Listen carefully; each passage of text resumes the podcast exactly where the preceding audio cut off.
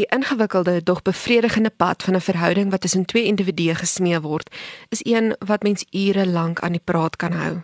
In die eerste episode van Marula Media se potsendingreeks oor die lief en leed van verhoudings, gesels ons met Louis Venter, kliniese terapeut en stigter van Couples Help, oor huweliksberading en watter impak dit op verhoudings kan hê.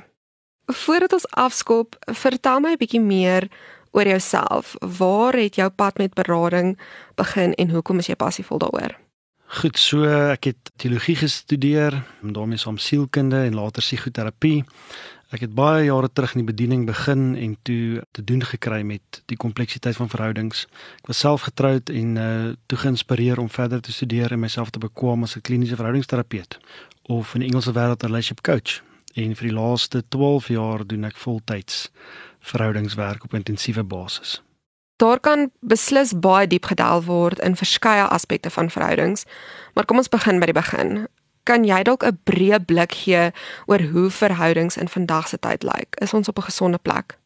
Misaan die kompleksiteit van verhoudings is dat ehm um, alle paartjies op ander plekke is. So om te veralgemeen sê dit is waar ons as 'n samelewing is 'n bietjie moeilik, maar wat ek wel vir jou kan sê is ek dink ons sukkel met verhoudings meer as ooit net oor die praktiese manier hoe ons leef, wat tyd aanbetref, wat nodig is vir koneksie. Maar wat nogal interessant is is dat mense in vandag se tyd is minder tevrede met ongelukkige verhoudings. As ons in die verlede kyk, sien ons dat mense in die verlede amper half in 'n uithou fase in beweeg het en maar aanvaar het wat is.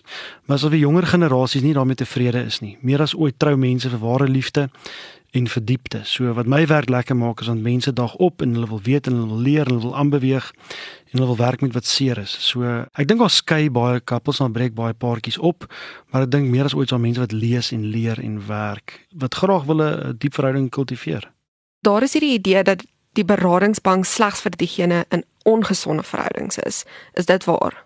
Ek dink dis waar. Van die produkte in ons praktyke wat ons opbouwerk doen word die swakste bygewoon ek wil graag werk met paartjies wat in die opwaartse spiraal is, maar kry dit min reg. Mense daag net op as dit sleg gaan aan die einde van die storie of as dit gebreek het. Waar verhouding is moeilik. Verhouding is 'n spier wat jy moet ontwikkel. Dis 'n vaardigheid wat jy moet ontwikkel. Daarom dink ek is verhoudingsterapie, verhoudingswerk vir almal baie belangrik. Dit is jammer dat ons so dink, maar meeste eens daag maar op as dit eers gebreek het of as dit seer is. Watter impak kan berading op 'n verhouding gesond of ongesond hê? Misons ek gesê verhoudings is vrek kompleks. Hulle het nooit vir ons op skool geleer eintlik hoe liefde werk nie en hoe kompleks dit is twee wêrelde bymekaar kom nie.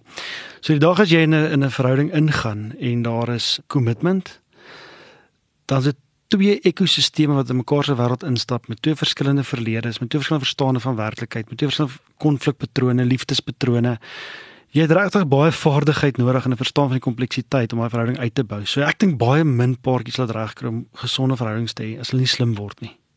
As hulle nie weet wie die twee mense is en hoe hulle werk en wat moet gebeur nie. Wanneer weet mens dat dit tyd is om iemand te gaan sien oor die stand van sake in jou verhouding? Ons weet gewoonlik as daar diskonneksie is en ons is gereeld daar en dit verander nie en onveilige gedrag kom in soos lang stiltes, soms geweld, harde woorde, paartjie wat net besluit ons gaan nie opbreek nie maar ons gaan ook nie nader kom nie. En ons 'n stuk gestolheid en 'n stuk koudheid en soms 'n stuk wreedheid. Dink ek is 'n goeie tyd om dit te doen. Maar eintlik is enige tyd 'n goeie tyd om energie te spandeer aan verhoudingsterapie